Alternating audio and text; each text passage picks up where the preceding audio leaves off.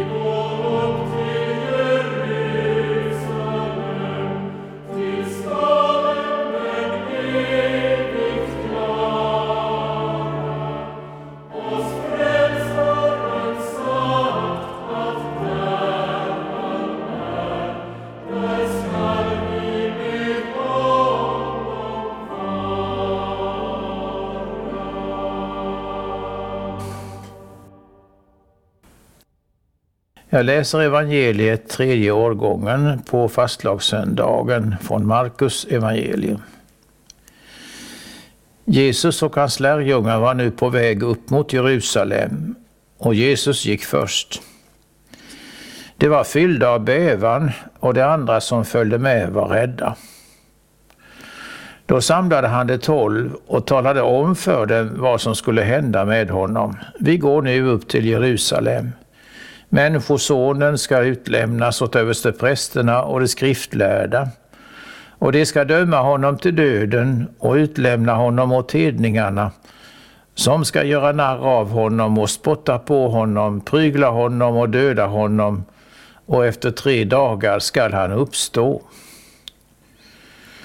Jakob och Johannes, Sebedaios söner, gick fram till honom och sa Mästare, vi vill be dig om en sak.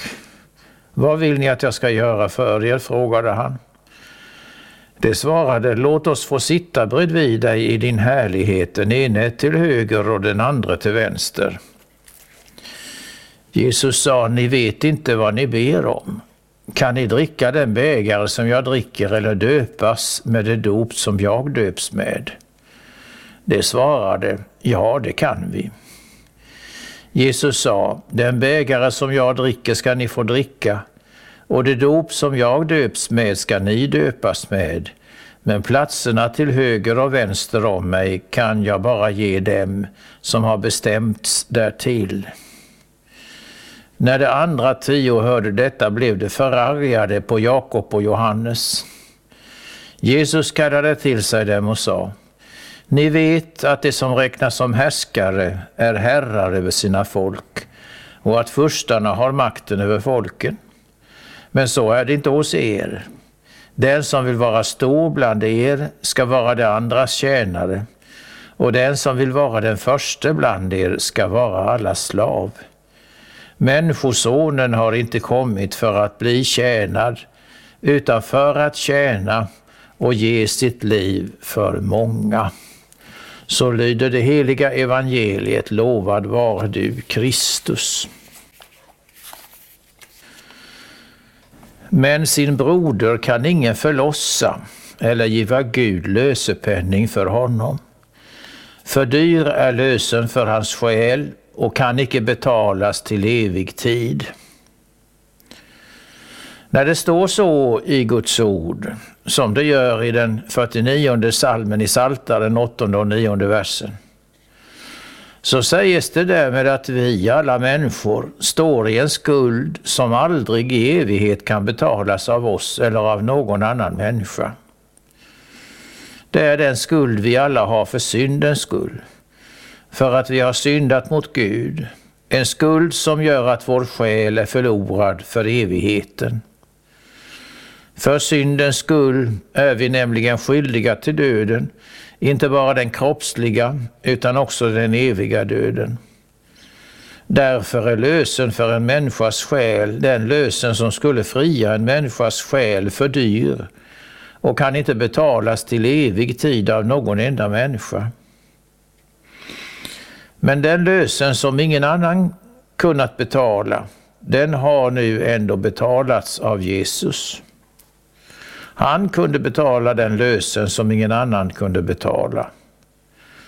Vad det kostade honom talar han om i dagens evangelium som säger oss att Jesus har lidit till lösen för oss alla.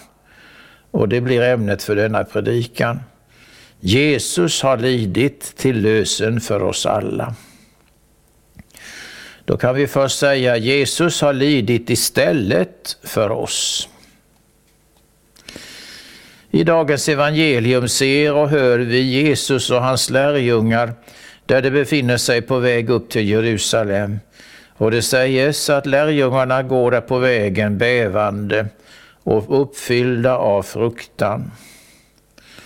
Vad är då orsaken till deras bävan och fruktan? Jo, det är vad de nu redan två gånger hört Jesus tala till dem om, om vad som skulle hända honom, att han skulle bli överlämnad i människors händer och lida mycket och bli förkastad av folkets ledare och bli dödad. Att det skulle gå så och att det var detta som nu skulle ske då de gick upp till Jerusalem det var då vad lärjungarna bävade och fruktade för. Och det bekräftade nu Jesus ytterligare för dem då han sa, se vi går nu upp till Jerusalem och Människosonen ska bli överlämnad åt översteprästerna och de skriftlärde. Och de ska döma honom till döden och överlämna honom åt hedningarna och dessa skall begabba honom och gissla honom och döda honom men tre dagar därefter skall han uppstå igen. Som ett utslag av obändig optimism låter det så då de båda Sebedeussönerna kommer med sin begäran till Jesus. Mästare, vi skulle vilja att du lät oss få vad vi nu tänker begära av dig. Låt den ena av oss i din härlighet få sitta på din högra sida och den andra på din vänstra. Som tänkte det då att det ändå inte skulle behöva gå så illa med Jesus som han talat om och som kunde man hoppas att han nu istället skulle upprätta sitt rike och sätta sig på sin tron som den Messias det trodde att han var.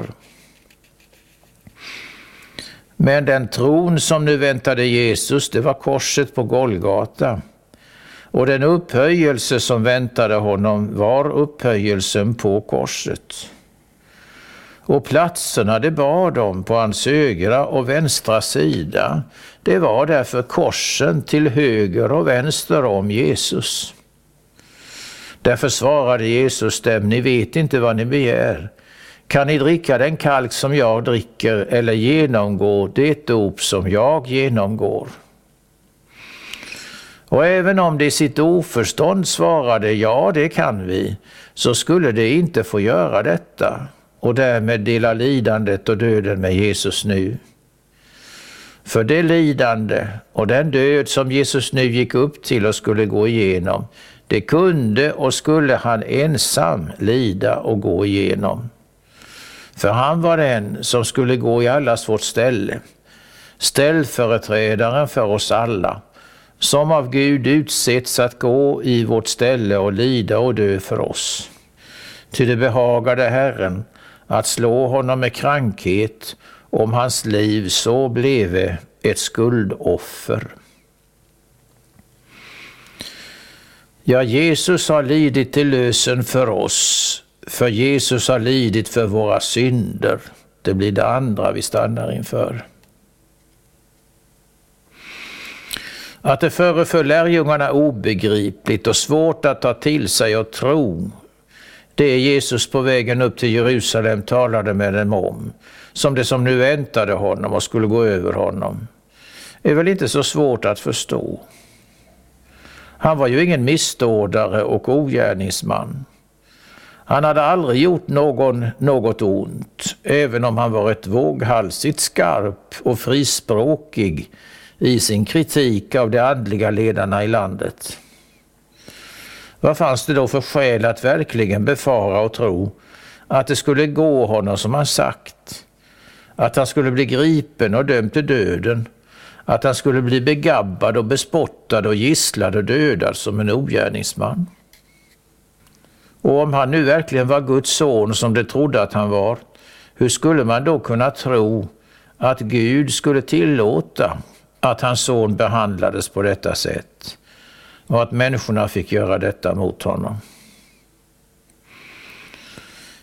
Ändå var detta som Jesus talat om skulle ske med honom och som också skedde med honom skriftens ord.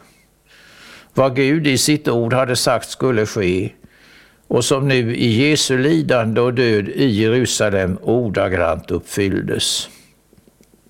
Det var vad Gud i sin helighet och rättfärdighet hade bestämt måste ske med Jesus för att människornas synd skulle bli försonad och den stora ofantliga syndaskulden bli betalad. För det var för människornas synder, också dina och mina synder, Jesus skulle lida och dö i Jerusalem.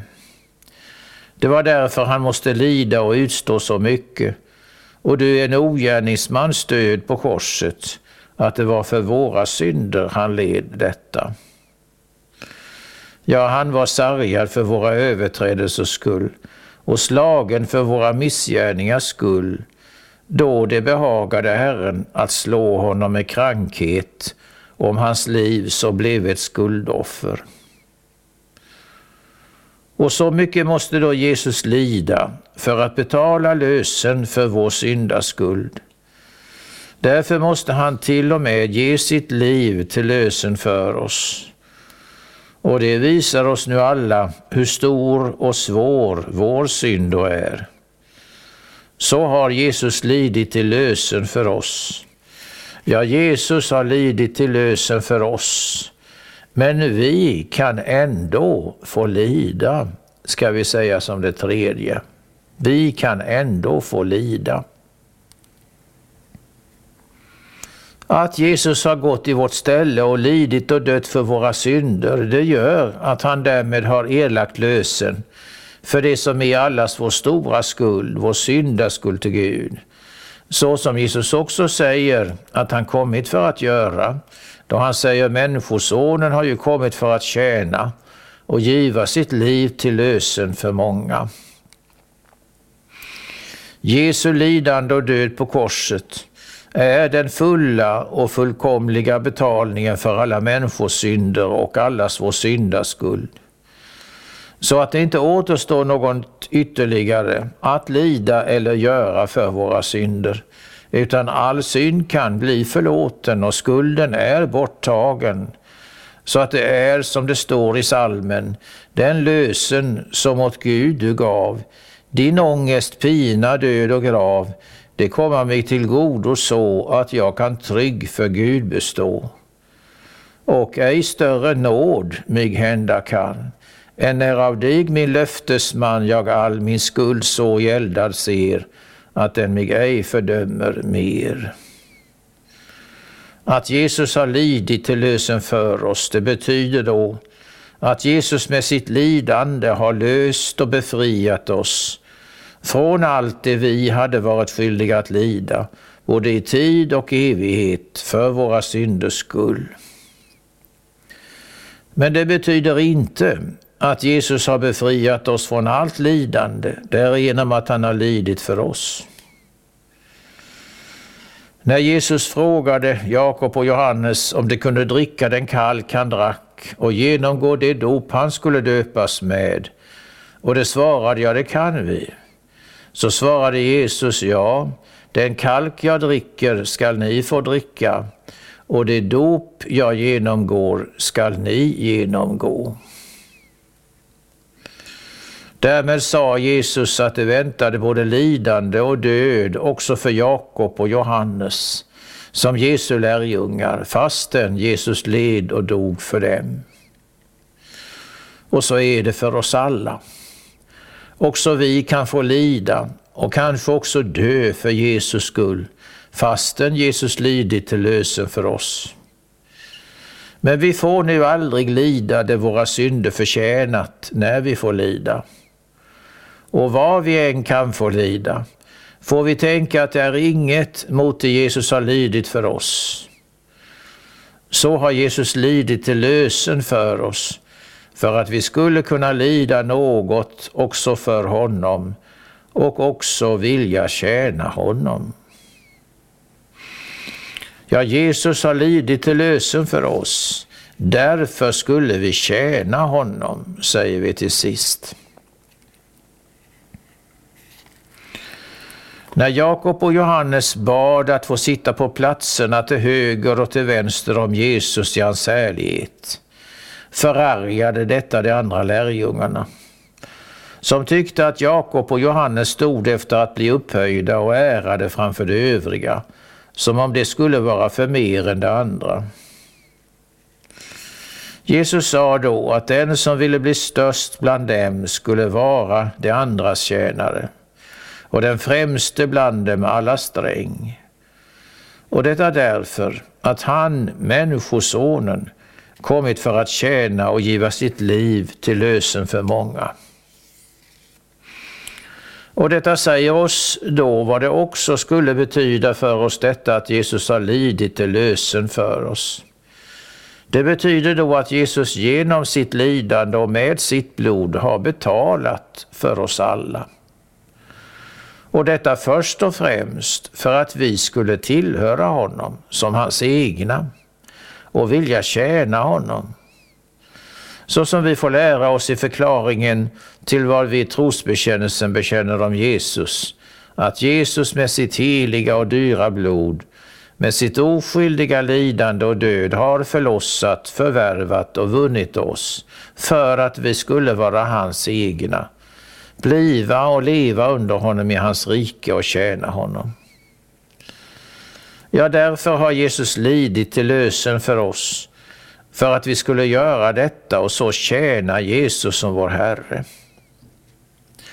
Men då skulle vi också tänka på att vi gärna ska tjäna andra och varandra att det är vad Jesus nu vill och begär av oss, för vad han har gjort och lidit för oss. Han som själv har tjänat oss alla och givit sitt liv till lösen för oss. Så har Jesus lidit också för dig och för dina synder och till och med givit sitt liv till lösen för dig. Måtte han inte ha gjort det förgäves.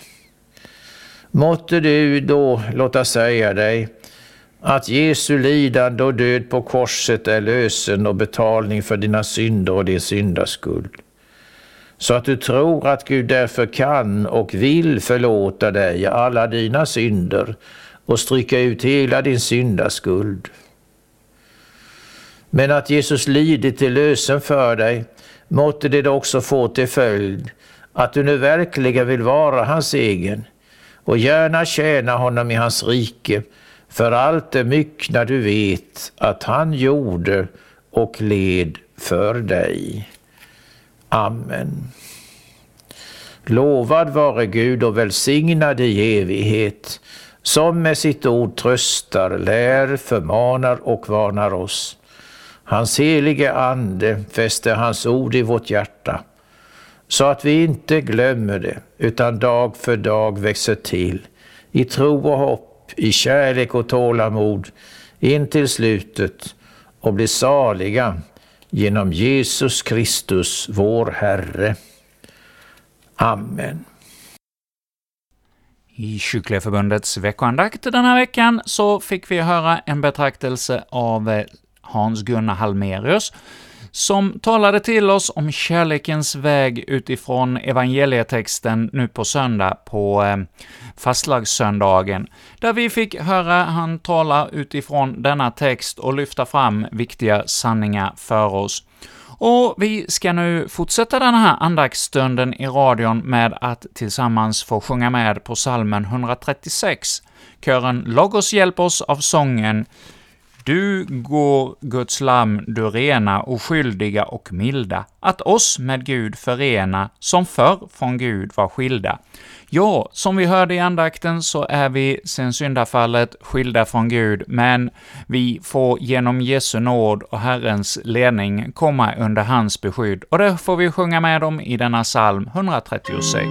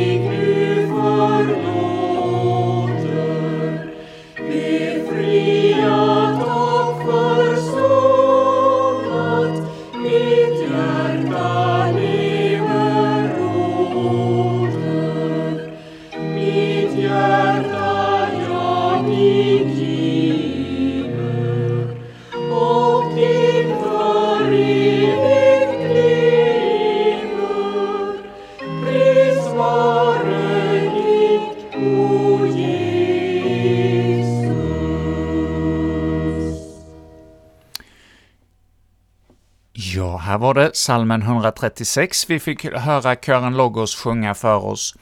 Och ja, vi från Kyrkliga Förbundets närradio säger tack för denna gång och önskar er alla en Guds rika välsignelse och en god fortsättning på den här dagen. Och så är du hjärtligt välkommen till en ny veckoandakt i nästa vecka. Och ja, nu ändrar andakterna karaktär ett tag framöver. Vi kommer nu att få lyssna till sex passionsandakter. Ja, det är andakter som tidigare sänts här i radion för några år sedan. Jan-Erik Kapell, numera boende i Kristianstad, har spelat in eh, alla de här fyra årgångarnas eh, textläsningar för passionstiden. Ja, under fyra år i, taget så får vi då följa med Jesu eh, skil lidandes skildring genom de fyra evangelierna. Och i år är turen kommen till Johannes evangeliet och vi ska nu denna, detta år få höra just Jan-Eriks betraktelse utifrån eh, eh, texterna för, från Johannes evangeliet som berättar om Jesu lidandes historia. Och det är du nu hjärtligt välkommen att under veckorna som kommer vara med och lyssna till här fram till påsk. Och vi avslutar nu dagens program med några strofer ur eh, salmen ”O huvud blodigt sårad” här i instrumentell version, alltså salmen 144.